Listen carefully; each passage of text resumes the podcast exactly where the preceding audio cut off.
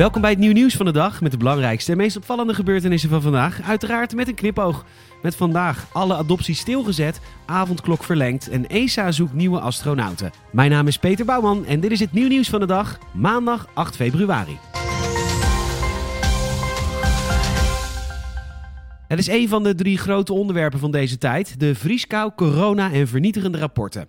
Ditmaal is er een vernietigend rapport verschenen over de Nederlandse adoptiecultuur. Een aantal keywords uit het vernietigende rapport van de commissie Joustra: kinderdiefstal, kinderhandel, corruptie, vervalsing en diefstal van documenten, onethisch handelen van ambtenaren.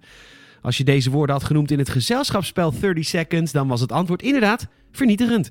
Het gaat voornamelijk om adopties van kinderen uit Bangladesh, Brazilië, Colombia, Indonesië en Sri Lanka. De commissie onderzocht in eerste instantie de 30 jaar tussen 1967 en 97, maar ontdekte ook veel problemen die nog steeds voortduren. Daardoor adviseerde de commissie uiteindelijk om alle adopties voorlopig stil te zetten, totdat deze problemen eindelijk definitief zijn verholpen. De minister neemt deze vernietigende aanbeveling nu over. Lopende vernietigende adoptieprocedures worden wel afgerond. Het is tijd voor het nieuw nieuwsgetal van de dag. Je krijgt nu een getal en aan het einde van de podcast de context. Het nieuw nieuwsgetal van de dag is 6959.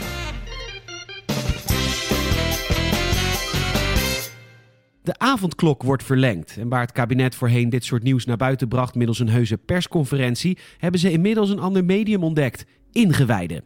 In dit geval wisten de ingewijden de weg te vinden richting de Telegraaf. Deze weten te melden dat de betrokken ministers de maatregel vanochtend hebben besproken op basis van het OMT-advies. In eerste instantie zouden de maatregelen gelden tot 9 februari. Deze worden nu verlengd tot 2 maart, al dus de ingewijden. De ingewijden waren niet bereikbaar voor commentaar. De een zijn persvrijheid is de ander zijn spionage. De Australische journaliste Zeng Lei is door de Chinese autoriteiten gearresteerd omdat ze staatsgeheimen zou doorgeven. De vrouw werd in augustus vorig jaar aangehouden en is nu officieel gearresteerd. Lei is geboren in China, maar verhuisde op negenjarige leeftijd met haar ouders naar Australië. Acht jaar geleden ging ze terug naar China, waar ze in Peking voor het China Global Television Network werkt. Ze zou volgens de autoriteiten als spion voor Australië werken, dat meldt de BBC. Lei, moeder van twee kinderen, kan tot zeven maanden vastgehouden worden door de Chinese autoriteiten. En als ze moet voorkomen, dan is de kans dat de journaliste ter dood veroordeeld wordt. Volgens Jennings wordt 99% van de verdachten veroordeeld in China. Het is niet de eerste keer dat een Australische journalist wordt vastgezet. De Australische blogger Yang Hengjun werd in januari 2019 opgepakt en beschuldigd van spionage. Twee andere Australische correspondenten konden het land net op tijd ontvluchten. Goed nieuws voor iedereen die de voetsporen van André Kuipers, Neil Armstrong en Buzz Aldrin wil streden. De Europese ruimtevaartorganisatie ESA heeft een aantal vacatures uitstaan. Vanaf maart gaat de organisatie op zoek naar nieuwe astronauten. Het is de eerste keer in elf jaar dat de ESA op zoek is naar nieuwe collega's in dit veld. Dat meldt de organisatie in een persbericht.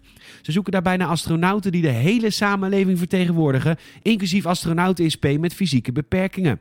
Wat de precieze eisen gaan zijn is nog niet bekend. Wel kun je alvast gaan werken in je sollicitatiebrief, zodat op 31 maart direct op de bus kan. Dan gaat de sollicitatieprocedure van start. Op 16 februari geeft de organisatie een persconferentie waarin meer bekend wordt gemaakt. Het selectieproces begint op 28 mei en zal bestaan uit zes rondes. En in oktober 2022 wordt dan bekend wie de nieuwe ruimtevaarders moeten worden. In de Amerikaanse staat Michigan is er een dode gevallen bij een babyshower. Gisteravond hebben mensen in een dorpje buiten de stad Flint een soort kanon afgevuurd. Vermoedelijk om daarmee op een of andere manier het geslacht van de aanstaande baby aan te kondigen. Roze rook voor een meisje, blauwe rook voor een jongen. Toen het kanon door de man des huizes afgestoken werd, ontplofte het. Ja, dat gebeurt dan. Dit gebeurde allemaal in een garage waar de babyshower werd gehouden. Want ja, een bom steek je natuurlijk niet buitenaf, maar binnen. Drie nabij geparkeerde auto's en een van de bezoekers werden doorzeefd door stukjes metaal. Een 26-jarige man is in het ziekenhuis aan zijn verwondingen overleden.